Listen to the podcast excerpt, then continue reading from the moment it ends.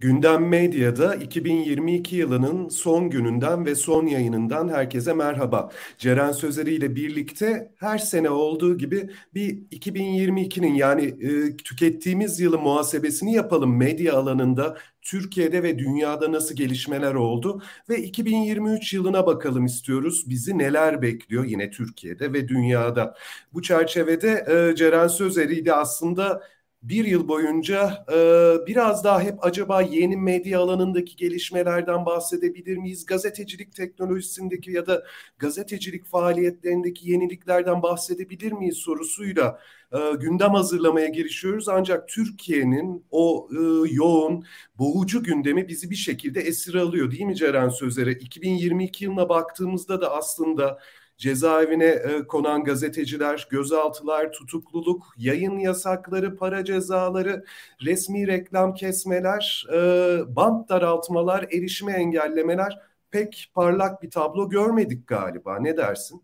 Evet Can, biz de istiyoruz aslında yapay zekanın e, haber merkezlerini nasıl etkileyeceği konusunu böyle uzun uzun tartışalım ama e, maalesef e, bütün bir yıl boyunca e, ülke gündemi bize başka şeyler tartışmaya izin vermedi. E, umarım 2023'te daha çeşitli e, konular tartışırız ama e, ne dünya umutlu e, ne de açıkçası ben umutluyum bu konuda. Şimdi Türkiye'nin artık dünya basın özgürlüğü sıralamasında en alttaki ülkeler arasında olduğunu birden çok endeks ortaya koyuyor. 181 ülke arasında 149. sırada sınır tanımayan gazeteciler örgütün sıralamasına göre. Bunun en önemli değişkenlerinden, göstergelerinden bir tanesi cezaevindeki gazetecilerin sayısı gözaltına alınanlar, tutuklananlar ya da hüküm giyenler farklı farklı rakamlardan bahsediliyor. Çünkü farklı sivil toplum kuruluşlarının, meslek örgütlerinin gazeteci tanımı farklı. Ama örneğin Türkiye Gazeteciler Sendikası'nın verilerinden yola çıkarsak 26 Aralık 2022'de en son bir güncelleme yapmışlar. 46 43 gazeteci 26 Aralık 2022 tarihi itibariyle cezaevinde. Üstelik hala e, tutuklu olduğu halde hakkında iddianame hazırlanmayanlar var. Kendisine örgüt arana, arananlar var. Örgütten dolayı tutuklanıp cezaevine konup. E, şimdi geçtiğimiz yıllara göre marjinal de olsa bir düşüş var galiba. Bunu nasıl açıklarız ve bu tablo bize neyi gösteriyor? E, Cam şununla açıklarız öncelikle bazı gazeteciler özellikle 2016 darbe girişimi sonrasında cezaevine giren gazetecilerin bir kısmının e, ceza süresi doldu e, ve o yüzden çıktılar. Yani önemli bir e, yani sayıdaki azalmanın gerekçesi bu. E, aynı şekilde Kürt gazeteciler arasında da e, ceza süresi e, dolmuş olup çıkmış, tahliye olmuş olan gazeteciler var.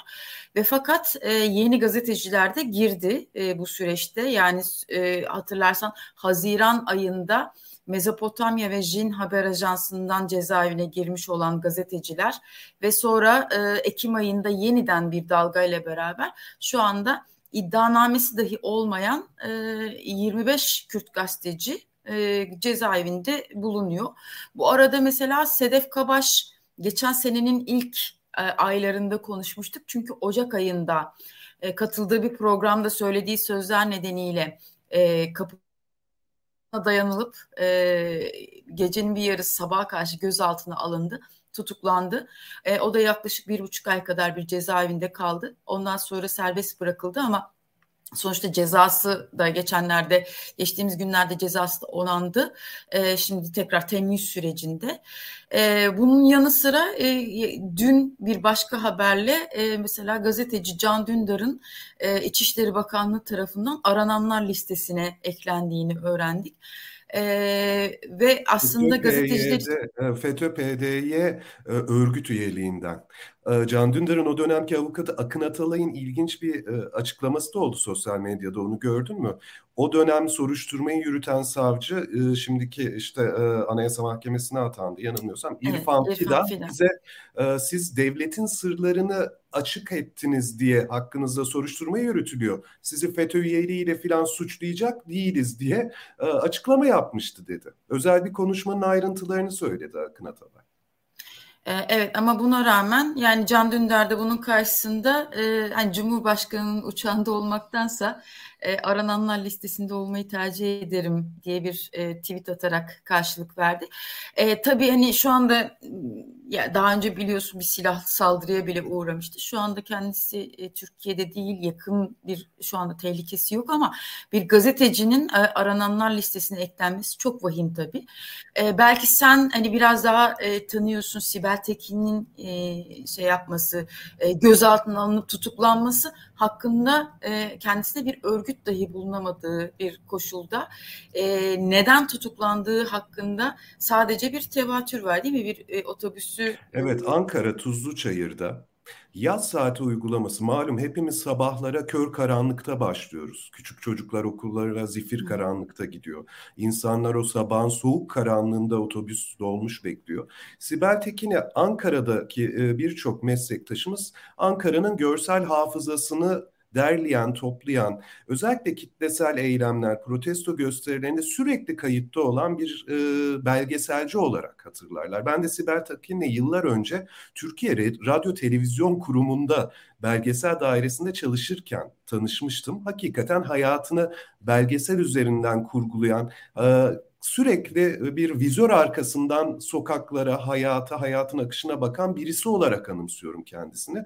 Nitekim Tuzlu Çayır'da, Mamak Tuzlu Çayır'da sabaha karşı o karanlıkta çekimler yaparken yaz saati uygulamasının insan hayatı e, ve gündelik rutin üzerindeki etkisi üstüne ee, sanırım kadrajına bir polis arabası giriyor. Polisler şikayetçi oluyor, bizim görüntümüzü çekiyor diye. Daha sonra evinden alınıyor Sibel Tekin. Bütün arşivlerine el konuyor. E, avukatının aktardığı kadarıyla ya da e, hukukçuların aktardığı kadarıyla e, Sibel Tekin'i cezaevine koyuyorlar tutuklayarak örgüt üyeliği e, şüphesiyle ve fakat cezaevinde ya seni hangi koğuşa koyacağız? E, senin çünkü bize bildirmiş bir örgütün yok deniyor. E, Sibel de Sibel Tekin de haliyle hangi örgütten suçlandığını bilemediği için e, anladığım kadarıyla ayrı bir koğuşa konuluyor. E, dolayısıyla yani bir suçlama var ancak örgüt yok. E, senin söylediğin bir diğer şey de önemliydi şimdi. Bu program yayına geldiğinde, girdiğinde Diyarbakır'da 8 Haziran 2022 ta- e, tarihinde gözaltına alınan 16 gazeteci hakkında da hala bir iddianame düzenmemiş olacak. Yani yılbaşını cezaevinde e, tam olarak neyle suçlandıklarını bilemeden 6. aylarını doldurarak neredeyse geçirecekler. E, bunlar e, açıkçası son dönemde biraz daha keyfiyetin hakim olduğu yönündeki şüpheleri artırır, e, destekler nitelikte. E, ama aynı zamanda elbette ki gazetecilerin e, cezaevi, tutuklanma, gözaltı korkusuyla denetim altına alınması çabası değil. Bir yandan da idari cezalar, para cezaları, ekran karartmalar, ilan kesmeler var. İstersen biraz da ondan bahsedelim. Yani bu programı arada sırada dinleyenlerin eğer hala yüreği kabarmadıysa 2022'nin tablosunu Okan e, Konuralp, e, Rütük'ün CHP kontenjanının üyesi çizmişti. E, 2022 yılında e, toplam 54 kez Rütük'ün kanallara ceza verdiğini, 20,5 milyon lira tutarında bir para cezası verildiğini söyledi. Tamam bu ayrı. Peki hangi kanallar bunlar?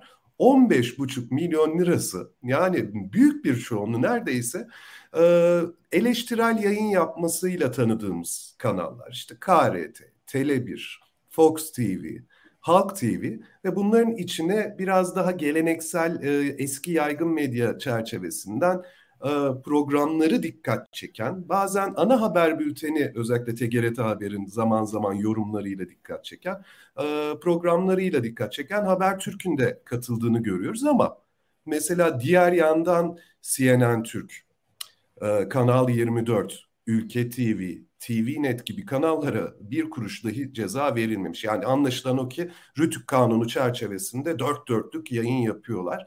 İşte e, sabah programı Müge Anlı e, nedeniyle bir kere e, iktidara yakın duruş sergileyen ATV'ye ceza verilmiş. Kanal D, Beyaz TV gibi kanallara yine öyle magazinel içeriklerinden ötürü birer kez para cezası verilmiş. Ancak gözüken o ki eleştirel kanalların zaten kısıtlı olan maddi kaynaklarının e, önemli bir ölçüde kısılmasına, seslerinin kısılmasına da yol açmış gibi gözüküyor. Ama tabii bir de işin gazeteler boyutu var. İstiyorsan sen de şu basın ilan kurumundan biraz bahset bize.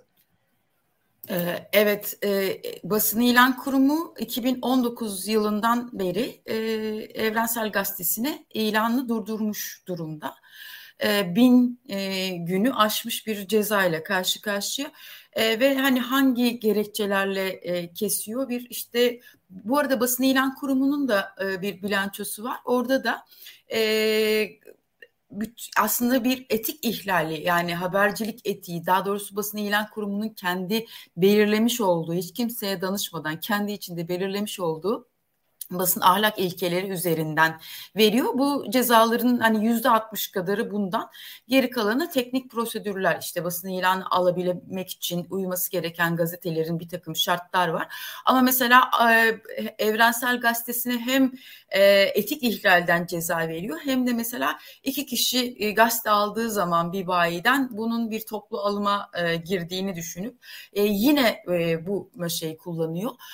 Aynı zamanda tabii sadece Evrensel Evrensel Gazetesi değil, e, Cumhuriyet Gazetesi, e, Sözcü Gazetesi, Bir Gün Gazetesi de e, benzer şekilde rutine binmiş bu cezalardan e, nasiplerini almış durumdalar ve bu hala devam ediyor. Şurada şuna dikkat de çekmek gerekiyor Can. E, basın ilan kurumunun geçen sene ana geçen senenin aslında iki tane e, önemli e, iyi haberi vardı. Bunlardan bir tanesi Ocak ayındaydı. Bir tanesi biraz daha ilerleyen zamanlarda iki tane e, Anayasa Mahkemesi kararı basın ilan kurumunun e, ilan kesme yetkisini keyfi bir şekilde kullandığına dair bir Anayasa Mahkemesi kararı çıktı. Evrensel Gazetesi'nin, Bir Gün Gazetesi'nin, Sözcü Gazetesi'nin başvurula, Cumhuriyet Gazetesi'nin başvuruları üzerinden ve Anayasa Mahkemesi pilot karar verdi. E, dedi ki bu keyfi ilan kesmeler e, basın özgürlüğün önünde bir engeldir e, ve basın ilan kurumunun bağlı olduğu kanunu yeniden düzenlenmesi için meclise bir yıl süre tanıdı. E, ben şimdi burada bir hak ihlali görüyorum ama bundan sonraki başvuruları almayacağım. Yasama bu kanunu bu şekilde düzeltsin dedi. E, ama Anayasa Mahkemesi aynı şekilde e, geçen sene Ocak ayında yine böyle bir pilot karar vermişti. Bu sefer de erişime engellenen haberlerle ilgili e, vermişti. Çünkü 9 tane haber e, 129 e, URL diyebileceğimiz işte e, o sayfaya erişime ilişkin 8 başvuru üzerine yine ihlal kararı vermiş ve bir seneyi içerisinde yine yasamanın bunu düzeltmesi gerektiğini söylemişti. Ve fakat bu bir seneyi doldurduk bu Ocak ayı itibariyle dolduruyoruz daha doğrusu. E, yasamada herhangi bir e, yani 5651 sayılı internet kanununun 9. maddesinin değişmesine yönelik yasamada hiçbir kıpırtı yok. Aynı şekilde basın ilan kurumuna dair de e, bir düzenleme yok. Sadece basın İlan Kurumu'nun bu bizim e, bir sene boyunca aslında sık sık konuştuğumuz e, en sonunda Ekim ayında çıktı. Sansür yasasında basın ilan kurumunun yapısının değiştirildiğini konuşmuştuk Şu anda hatırlarsan. E, ekrana gelen DSF görüntüsü de İstanbul'da gazetecilerin, basın meslek örgütü temsilcilerinin o sansür yasası olarak adlandırdıkları ama aslında resmi adı basın kanunu ve bazı kanunlarda değişiklik yapılmasına dair e, düzenleme idi. Hatırlıyorsun orada e, tünel meydanında toplanalım, sesimizi duyuralım denmişti ama o da valiliğin kısıtlamasından payını almıştı. Şişhane meydanında e, bir geniş katılımlı protesto gösterisi olmuştu. Ama ağırlıklı olarak gazetecilerin seslerini duyurdukları son düzlükte belki bazı milletvekillerinin de protestoya dahil olduğu bir süreçte bu çok tartışmalı yasada geçmişti. Belki biraz daha üzerinde konuşuruz birazdan. Parantez uzun oldu kusura bakma kapatıyorum. Söz yeniden sende. Ee, hani basın ilan kurumunun yapısı değiştirilip Rütük e, BTK gibi e, hani hükümetin neredeyse bir şey aracı olarak, sansür aracı olarak kullanılan kurumlardan e, basın ilan kurumuna yeni üyeler eklenerek hükümet lehine bir değişiklik yapılmıştı. E, ve bu aslında basın bundan sonraki dönemde de basın ilan kurumundan e, yerel gazeteler ve aslında sadece yerel gazeteler değil ana akım gazetelerin de şu anda en önemli gelir kalemlerinden bir tanesi olan e, resmi ilanların dağıtım sürecine böyle de bir müdahale yapılmıştı. Bunu hatırlatmak istedim e, basın ilan kurumu ile ilgili. Ve internet bant daralması, işte dijital ortamdaki engellemeler. Bu programı izleyen çoğu kimsenin e, ya evet öyle bir şey olmuştu diyeceği bir terör saldırısı yaşandı. 13 Kasım'da Taksim'de. Çoğu insan unuttu bile. Soruşturmaya dair e, yeni ayrıntılar bile güçlükle bazen gazetelerde, televizyonlarda, internet sitelerinde yer buluyor. O, o günkü o kanlı saldırıda aklımızda kalan bir şey de elbette ki e, birçoğumuzun sosyal medya platformlarına belirli bir süre erişememesiydi. WhatsApp, Instagram, Twitter gibi e, artık gündelik hayatta iletişimimizin başat e, mecraları haline gelen yerlere erişemedik. İnsanlar ne olduğunu e, ailelerine haber veremediler. Sosyal medya üzerinden canlı görüntülü sesli konuşma alışkanlığı geliştirmiş olanlar. iyi olup olmadıklarını aktaramadığını söyleyen yabancı tanıdıklarım oldu ailesi yurt dışında tanış, e, yaşayan. E, dezenformasyonu engellemek için bu karar alındı dendi ama dezenformasyon başka bir saldırıya daha önceki yıllara ait saldırıya ilişkin kanlı görüntüler zaten ilk 5 dakikada servis edilmişti. Ardından belki doğru bilgi akışının olabileceği, sağlıklı bilgi akışının olabileceği noktada bant daraltılmasına gidince e, dijital bilgi ekosisteminde yalan haberlerle karşı karşıya kaldık ve onlar çevrimiçi kaldı. Ardından da BTK çıktı göğsünü gere gere dedi ki evet bant daraltmasını biz yaptık dedi. Daha sonrasında da bu hangi kanun, hangi kural, hangi yönetmeliğe diye bir soru işareti çıktı. İşte yanılmıyorsam lütfen düzelt. Ee, darbe girişiminden sonra Cumhurbaşkanı verilen bir yetki e, çerçevesi, bir kararname çerçevesinde e, aslında Yaman Akdeniz'in, e, hukukçu Yaman Akdeniz'in darbe sonrası olağanüstü hal dönemine ilişkin bir düzenlemenin hala devam ettiği yönündeki bir yorumu eşliğinde paylaştığı bir bilgiydi değil mi bu? Ee, ve herkesin kafasında şu soru işareti var. Bu bu kadar normalleştirilirse önümüzdeki süreçte Türkiye Cumhuriyet'in 100. yılında en kritik seçime yaklaşırken benzer tablolar görür müyüz diye. Bunun böyle olmaması için herhangi bir e, yargı engeli de yok gibi galiba. Ne dersin Ceren Sözeri? Evet, e, hatta Alternatif Bilişim Derneği e, bilgi edinme e, hakkı çerçevesinde BTK'ya başvurdu. E, biz de aslında hani tahmin e, Yaman Hoca'nın e, hani bu olabilir ancak dediği şeyi e, bir anlamda kanıtlamış oldular. E, ve işte e, BTK e, Alternatif Bilişim Derneği'ne sadece bir cümleden oluşan bir yanıt verdi. E, gerekli gördük yani özeti şuydu gerekli gördük uyguladık e, hakime de onaylattık dedi. Yani hakime onaylatma e, zaten hani başlı başına e, çok tartışılması gereken bir konu. Hakimler onay merci midir? E, ve bu e, o kadar hani başvurdukları yasa ya da daha doğrusu referans gösterdikleri yasaya baktığımızda evet e, bir kanun hükmünde kararname sanıyorum 671'di numarası bir kanun hükmünde kararnameye dayandırarak Cumhurbaşkanı'nın gerekli gördüğü durumlarda internet trafiğini kesebileceğine dair e, bir şeyle karşılaştık.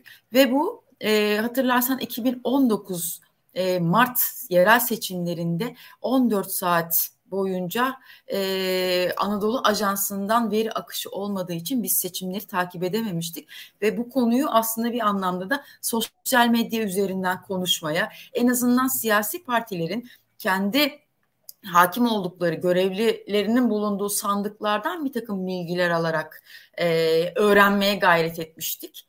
E, şimdi şu konumda e, sandık güvenliği, seçim güvenliği bütün bunlar tartışılırken sosyal medyaya erişimin de kısıtlanabileceği bir başka çok önemli bir riskle karşı karşıya olduğumuzda gösterdi. E, o zaman da konuştuğumuz gibi aslında e, 13 Kasım'daki o kanlı saldırı e, bir anlamda bunun da test edilmesi için kullanıldı diyebiliriz. Bir e, neyle karşı karşıya kalacağımız konusunda hem biz e, bunu görmüş olduk hem de e, bunu kullananlar da acaba ne kadar yüksek bir tepkiyle karşılaşacağız bunu denemiş oldular. Hı hı.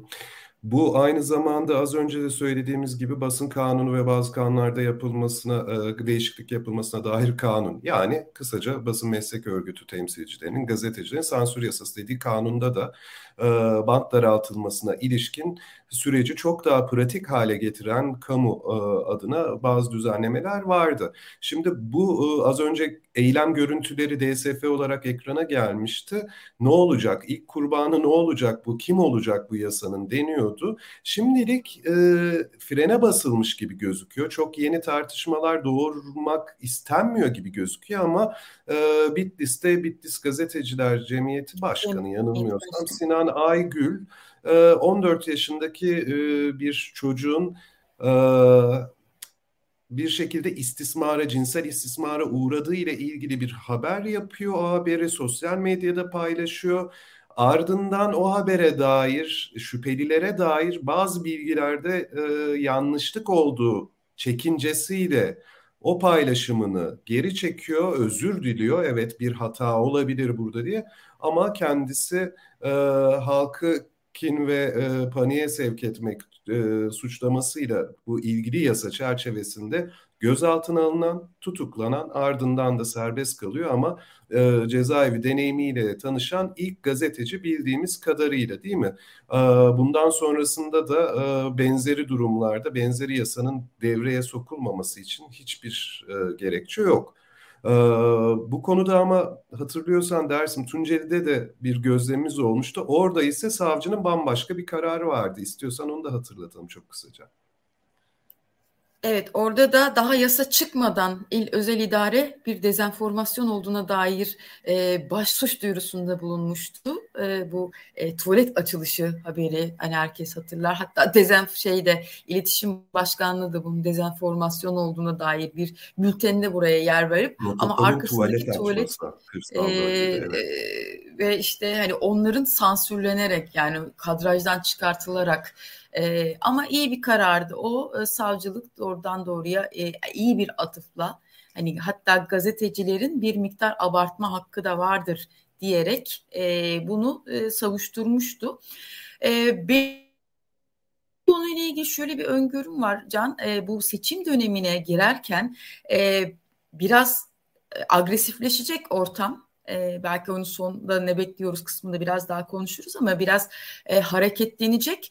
E, ve burada herkesin çok ciddi propagandaya ihtiyacı var. Bu sopanın henüz bu kadar e, şey kullanılmamasının e, bir tarafta e, gazetecileri kendisi hükümetin kendisine muhalif ol, olarak etiketlediği gazetecileri cezaevine koyarken öbür tarafta açık açık manipülasyon yapan bir takım gazetecileri de e, ışıkların dönmesi e, ihtimalini göz önünde bulundurarak şimdilik e, bence bu konuyla ilgili pek adım atmak istemiyorlar. Hı hı. Öte yandan aslında karanlık bir tablo çiziyoruz ve fakat e, her zaman için bizi umutlandıran gazetecilik pratikleriyle de e, karşı karşıyayız. Neyse ki gazetecilik ısrarını sürdüren çok sayıda isim var e, cezaevi tehdidine rağmen, düşük ücretlerle çalışmak e, zorunda bırakılmalarına rağmen bağımsız alternatif medya kuruluşlarında. E, örneğin bunun son örneğini e, malum gazeteci Timur Soykan'ın İsmail Ağa cemaatine bağlı Hiranur Vakfı'nda bir çocuğun e, çok küçük yaşlardan itibaren istismara ve tecavüze maruz kalmasını ortaya çıkartması, çıkarttığı haberle gördük. Timur Soykan günlerce ısrarla bu haberin arkasında durdu. İlk başta büyük bir gürültü kopmamıştı ancak neredeyse birinci haftasında artık bir takım görseller çerçevesinde, görsellerle yayınlanınca artık bakanlıklar açıklama yapmak zorunda kaldı. Yeniden sosyal medyada trend topik oldu ve sosyal medya adaleti devreye girdi. Ondan sonra gözaltılar yapıldı. Dava tarihi, duruşma tarihi öne çekildi halkta haklı olarak büyük bir infial ortaya çıktı ve burada aslında iyi bir gazeteciliği gördük. Timur Soykan elbette e, ismi son dönemde sıkça zikredilen isimlerden biri ancak yalnız değil çok sayıda gazeteci ağırlıklı olarak bağımsız e, platformlarda e, gazetecilik ısrarını sürdürüyorlar, gazetecilik inadını sürdürüyorlar ve yarına dair belki de en büyük umudumuz e, onların bu inatları ve bu çabaları olacak. E, çünkü her türlü ham bilginin aslında toplumu aydınlatma, toplumu daha iyi yarınlara hazırlama yönünde bir altyapı sağlamadığını da gördük. E, örneğin organize suç örgütü lideri Sedat Peker'in ifşaları, ifşaatı konuşuldu aylarca bu toplumda. Ee, ancak gün geldi Sedat Peker sustu, susturuldu. Oradan gelen hatırlıyorsun bazı e, bilgiler medya dünyasını da sarsmıştı. Bazı gazeteciler iktidar ve iş dünyası ile e, bir takım ilişkiler içinde olan tasfiye oldu bu süreçte. İsimlerini çok uzun zamandır duymadığımız bazı isimler de var. Ve fakat e, bunun aslında gazetecilik çabasından e, olarak algılandı. İnsanlar Sedat Peker'e adeta bir e, ifade özgürlüğü kahramanı muamelesi çektiler. Ama işte gün geldi ve çat diye e, şeffaf olmayan bir süreç sonunda herkesin farklı spekülasyonlar yaptığı bir süreç çerçevesinde sessizliğe büründü ve ardı arkası gelmedi. Oysa ki o, o iddialar üzerine çok sayıda gazeteci, e, haber yapmıştı, onu geliştirmeye çalışıyordu ve onların bu çabaları hesap verebilirlik, şeffaflık ve sürdürülebilirlik çerçevesinde hala devam ediyor. Ve fakat baktığımızda en çok engellenen haberler arasında da e, bu iddialar üzerine kurulan haberler olduğunu görüyoruz. Engelli web internet sayfasında tüm izleyiciler ulaşabilirler. Günlük erişime engellenen haberler.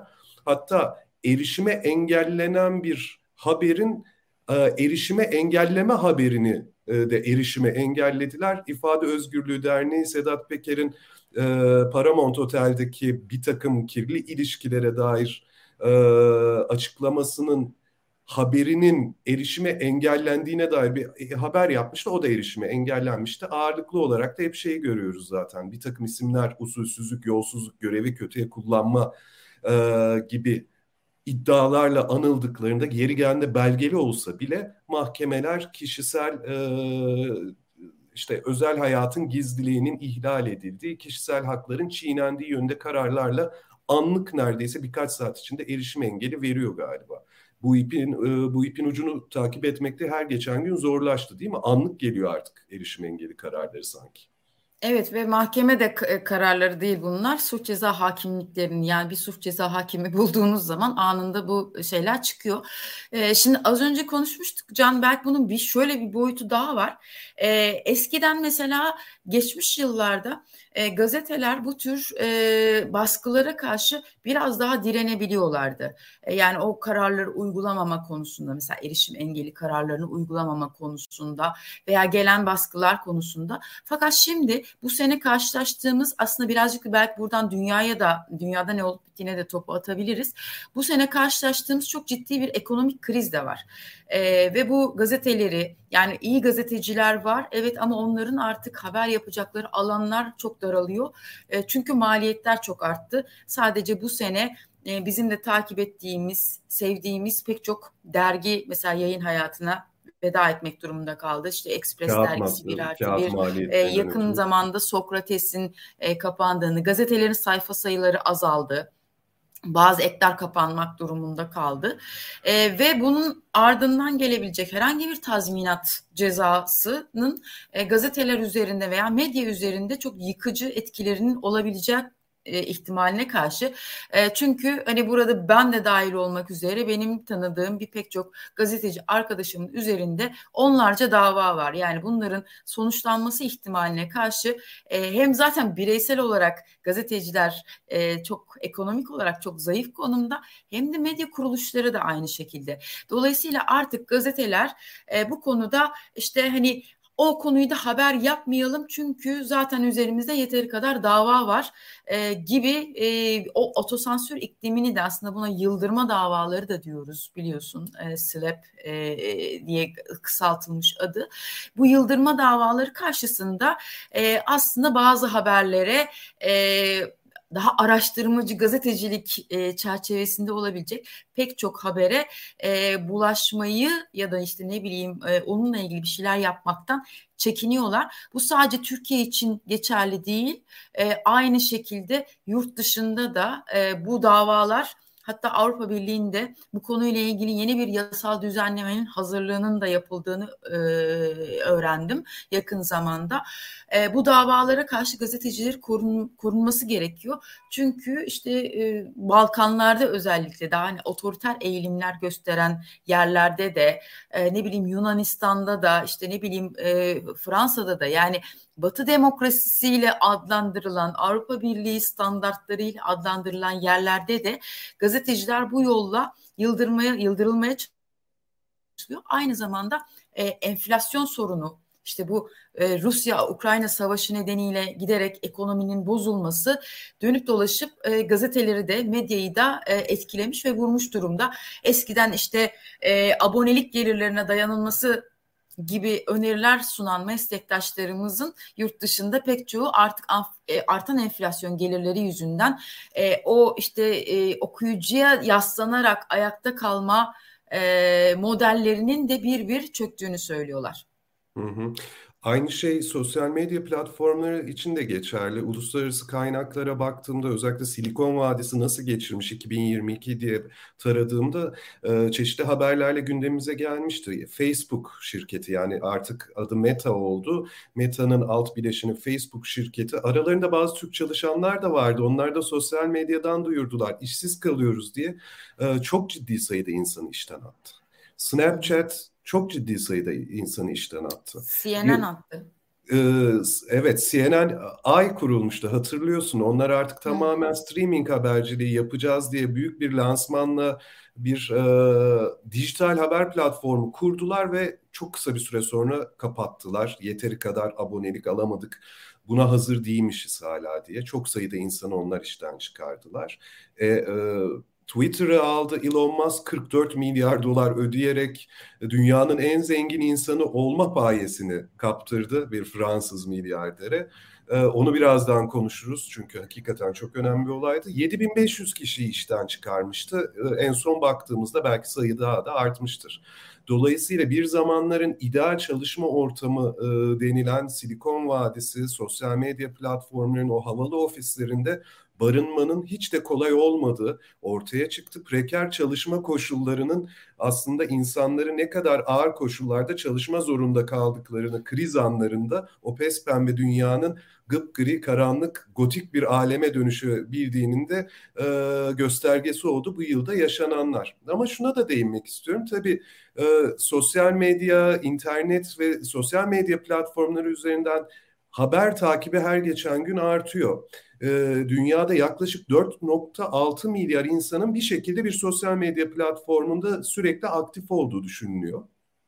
Ve Amerika Birleşik Devletleri işte Kaliforniya eyaletindeki e, Silikon Vadisi bu işin liderliğine soyunmuşken bir Çinli şirket e, yanılmıyorsam ByteDance'in TikTok'u geldi liderliği hani neredeyse herkesten aldı. Son yıl itibariyle hala dünyada en popüler sosyal medya mecra platformu Facebook ancak kullanıcı sayısındaki artış hızı dikkate alınınca e, video paylaşım sitesi e, TikTok dünyanın en hızlı e, kullanıcısını artıran e, o kısa video e, sitesi olarak sosyal medya e, platformu olarak dikkat çekiyor. Hatta o kadar ki Ukrayna-Rusya savaşı dünyadaki ilk TikTok savaşı olarak e, nasıl söyleyeyim e, çerçevelendi. E, öyle bir ambalaja büründü. Çünkü şuydu hem Rusya'da hem Ukrayna'da bu kısa video paylaşım e, platformu uygulaması çok popüler.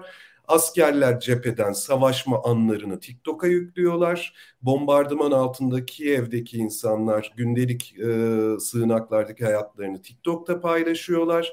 E, propaganda savaşları TikTok üstünden yürüyor ve milyonlarca kişi dünyada ana akım medyadan, yaygın medyadan değil bu kısa video platformundaki küçük küçük kısacık kliplerden bir savaşı takip eder hale geldi.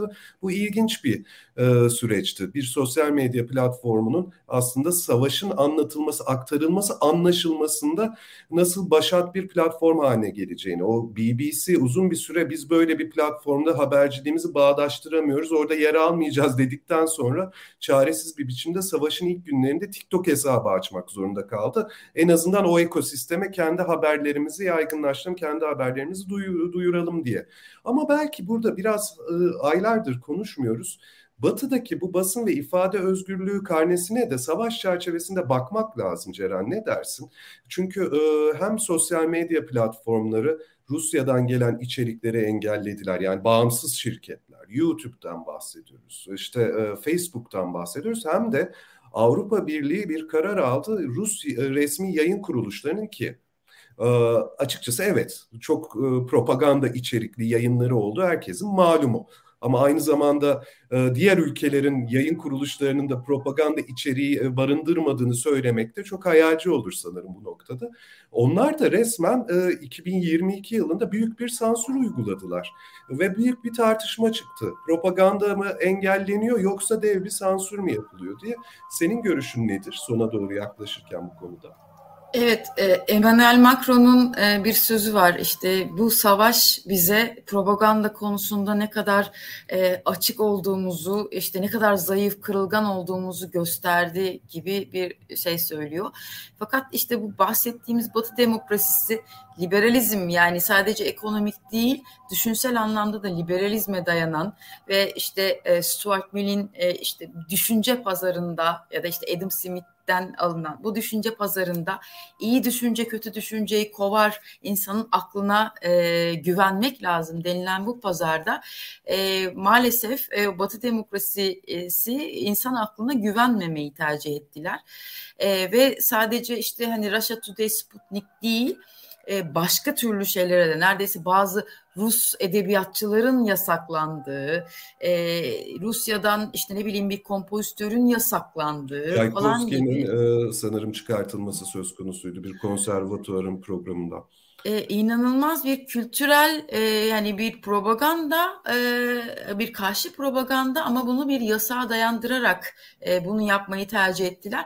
Açıkçası TikTok'un da bunların arasında bu şekilde sıyrılmasının e, bir şeyi de e, belki de bir sebebi de e, kendi e, Çin'de belki uyguladığı sansürü e, diğer dünyaya e, açarak bir anlamda o ikiyüzlülüğü de göstermiş oldu. Ee, TikTok Rusya'da yasaklanmayan ender platformlardan bir tanesi. Ama e, yine Çin tarzı bazı önlemler aldı onlar da. Örneğin savaş başladıktan kısa bir süre sonra Rusya'dan yeni içerik yüklenmemesi e, garanti altına aldılar ve bu sayede açık kalabildiler ve çok ciddi bir filtreleme olduğunu da biliyoruz. Yani bir şey Rusya'da engellenmiyorsa biraz da oyunun kurallarını benimsemiş durumdadır. Öyle de gözüküyor. Ve fakat şimdi e, liberalizm tartışması bizi iyi bir noktaya getiriyor. Programın sonunda e, 44 milyar dolar verip dünyada en çok takip edilen, herkesin olduğu bir platform değil ama akademisyenler, gazeteciler, böyle bağrı yanarak derdini duyurmak isteyenler, Türkiye gibi basın ve ifade özgürlüğünün çok sınırlı olduğu ülkelerde haber almak isteyenlerin favori platformu Twitter'ı satın alan tekno zengin Elon Musk e, hala da yani muhtemelen bugün biz yayın yaparken de tweet atıyor olacak. Aslında Twitter'ı çok özgürleştirdiğini, demokratik, liberal bir ortam haline getireceğini, getirdiğini, getirmekte olduğunu söylüyor. Ee, işte e, elinde e, lavabo e, ile birlikte şirkete gelip ben buraya yerleşiyorum artık Twitter'a çöküyorum bilgisini o görsel mesajla da verdiği andan itibaren Twitter'da neler oluyor diye bütün dünya konuşuyor. çünkü bu biraz da basın ve ifade özgürlüğünün e, bugünü ve geleceğine dair önemli bir tartışmayı da barındırıyor değil mi? E, senin de söylediğin gibi o yani bırakınız yapsınlar, bırakınız etsinler, herkes her şeyi söyleyecek noktasından gitgide bir e, cumhuriyetçi, neokonservatif, e, Trumpist trole dönüşmekte olduğunu e, Elon Musk'ın söylemlerini görüyoruz. Yani orada da bir farklı eşiğe doğru sürükleniyor galiba. Ne dersin? Evet belki Can bunu biraz medya ile ilişkisi üzerinden e, konuşabiliriz. E, Neiman Lab e, başka yerlerde yapıyor ama hani ben e, daha çok Neiman Lab'e bakabildim 2023'te neler olacak diye. David Skok'un şöyle çok e, hoşuma giden bir sözü vardı. Twitter artık gazetecilik için uygun bir yer olmaktan çıktı. E, Facebook'ta e, ya artık eskiden e, arkadaşlarımızın doğum gününü kutlamak için girdiğimiz Facebook'a şu anda sadece kanepemizi komşumuza satmak için e, giriyoruz gibi bir e, tespitte bulunmuştu. Bir taraftan tabii iyi oldu bu e, yani çünkü e, Jack Dorsey ile gelen e, özgür habercilik alanı bundan sonra yani benim gördüğüm e, bu 2023 öngörüleri oldukça da pesimist öngörüler bunlar ama e, gazetecilerin ya da medyanın artık yeni bir Twitter aramayacağını e, çünkü Twitter'ın işlevi bitti. Onun yerine konuşulan işte Mastodon vesaire gibi başka platformları platformlardansa artık bugünkü dünyada e, biraz daha e, RCC diyebileceğimiz haberleri bizim için derleyen, toplayan e, başka bir takım yeni gerçekten gazetecilik için daha uygun platformların ön plana çıkacağını söylüyorlar. E, artık çünkü gazeteciler Elon Musk'la beraber bir milyarderin çılgınlıkları e, delilikleriyle uğraşmak istemiyorlar e, ve hani pek çoğu zaten çıktı. Hatta yıl içerisinde daha Elon Musk'a satış kesinleşmeden bile New York Times'in yine burada konuştuğumuz bir haberi vardı. E, New York Times Genel Yayın Yönetmeni gazetecilerden Twitter'dan çıkmalarını artık takip etmemelerini istemişti. Veya bu kadar çok zaman geçirmeyin lütfen demişti aslında. Evet, yani artık gazetecilik için başka yeni platformları konuşacağımız dönem yaklaşıyor. Twitter'da artık sıkılana kadar sanıyorum Elon Musk'ın elinde bir oyuncak olmaya devam edecek. Benim de okuduğum e, yorumuna, sağduyusuna güvenerek izlediğim bazı e, kişilerin, teknoloji çalışan akademisyenlerin, uzmanların görüşü seninkine çok paralel. E, bir dönem Mark Zuckerberg, Meta, Facebook tekel haline gelmişti. 2-3 e, büyük dev tekelden bahsediyorduk. Bütün iletişim evrenini biz o platformlarda kurmuştuk. Ancak Elon Musk'ın satın alıp ortamı böyle züccaciye e, dükkanına girmiş bir fil gibi darma duman etmesi gösterdi ki aslında tüm bu platformlar bizim için uzun vadede sürdürülebilirlik garantisi e, ne yazık ki taşımıyorlar ve senin de dediğin gibi gazeteciler yeniden bakın Twitter'dan çıkarsam benim blogum şu, e, web sayfam bu. Adeta Web 2.0 dönemine geri dönülüyor ve e, okuyucularıyla, izleyicileriyle kendi mecralarından, kendi platformlarından iletişim kurma refleksini güçlü bir biçimde göstermeye başladılar. Nitekim kestirim de sadece haber veya işte ciddi e, içerik ya da entelektüel e, içerikler için değil, ancak e, sosyal medya olarak da tek bir merkezde toplanmaktansa işte Facebook'un kullanıcılarının verilerini ortalığa saçarak e, nasıl ihanet ettiği tartışıldı. Elon Musk'ın nasıl bir panayır yerine Twitter'ı çevirdiğini, e, nefret söylemi, yalan haberin artık yayılmasının ne kadar kolay hale gelebileceğine dair saptamalar yapıldı. İnternetin biraz daha e, tekerleşmiş yapısından mecburen herkesin farklı noktalarda biraz daha küçük komüniteler üzerinden işte e, Signal, WhatsApp, Telegram gibi yazışma grupları ama onun dışında da farklı merkezlerde senin dediğin gibi haber sitelerinin yeniden ön plana çıktığı sadece o içeriklere bizim daha kolay erişebildiğimiz kişisel blogların, internet sayfalarının biraz daha ön plana çıktığı bir nebze daha belki merkeziyetsiz e, internet idealine mecburiyetten bir adım daha bir süre yaklaşılacak gibi gözüküyor. E, sonrasında ne olur bunu çok bilmiyoruz ama e, istiyorsan 2023'e dair e, kestirimleri biraz daha Türkiye'ye ibreyi çevirerek e, bakalım. Programa hazırlanırken seninle konuşmuştuk. Çok sert bir iklime girildi seçim satım haline girildi. Her geçen gün gazeteciler üzerinde veya işte entelektüel ürün ortaya koyanlar üzerindeki baskı, kısıtlamalar, engellemeler, yeri geldiğinde gözaltı tehdidi, yeri geldiğinde erişim engeli kararı, yeri geldiğinde işte bant daraltması şeklinde artacak gibi gözüküyor. Ama e, açıkça sadece iyi bir mesaj vermek adına değil ama e, gazetecilik ısrarı olanların e, çabası ve inadı da e, Türkiye'de e, bir şekilde e, demokrasiye dair inançlarımızın herhalde e, taze kalmasını sağlıyor. İyi gazetecilik örnekleri de bu inancı pekiştiriyor gibi geliyor bana. Sen ne bekliyorsun 2023'ten? Valla seçime kadar geçecek sürecin epey sert olacağını düşünüyorum. Ee, sanıyorum gazeteciler de böyle düşünüyordur. Her şeye bu konuyla ilgili e, hani bir kaos planına bir anlamda gazetecilerin de medyanın da daha doğrusu hazır olması gerektiğini düşünüyorum. E, fakat umut verici şeylerden bir tanesi eğer hani bir iktidar değişimi söz konusu olursa en azından bu altılı masanın e, anayasa e, paketi önerisinde basın özgürlüğüne dair e, bir takım önerileri vardı. İşte rütün yapısına dair bir takım önerileri vardı. E, en azından bugün oy almak isteyen diğer işte bütün muhalif siyasetçilerin e, durumun vehametinin farkında olduğuna e, güvenmek istiyorum. E, belki bundan ondan sonraki aşamada e, bir şeylerin düzelebileceğini, e, iklimin değişebileceğine dair bir umut da taşıyorum. Ama yine de yani bu umutla beraber e, eski şikayet ettiğimiz medya düzenine dönmemek için de e, bu arada bütün bunlar yaşanırken gazeteciler olarak biraz daha dayanışma içerisinde biraz daha omuz omuza vererek e, bir araya gelerek tartışarak konuşarak e, yeni bir e, medya ikliminin nasıl oluşacağına dair e, konuşmamız tartışmamız e, ve um, öyle ancak umutlanabiliriz diye de düşünüyorum. Yani sadece e, iktidar değişiminin tek başına basın özgürlüğü için yeterli e, bir şeyde olmayacağını da hatırlatmak gerekir. Ee, kesinlikle. Çok çok teşekkürler Ceren Sözler'e. Bu vesileyle sana da iyi yıllar. Bu programı izleyen herkese, herkese. iyi, e, sağlıklı, mutlu, hür bir yıl dileriz. Çok çok teşekkürler. Hoşçakalın. Görüşmek üzere.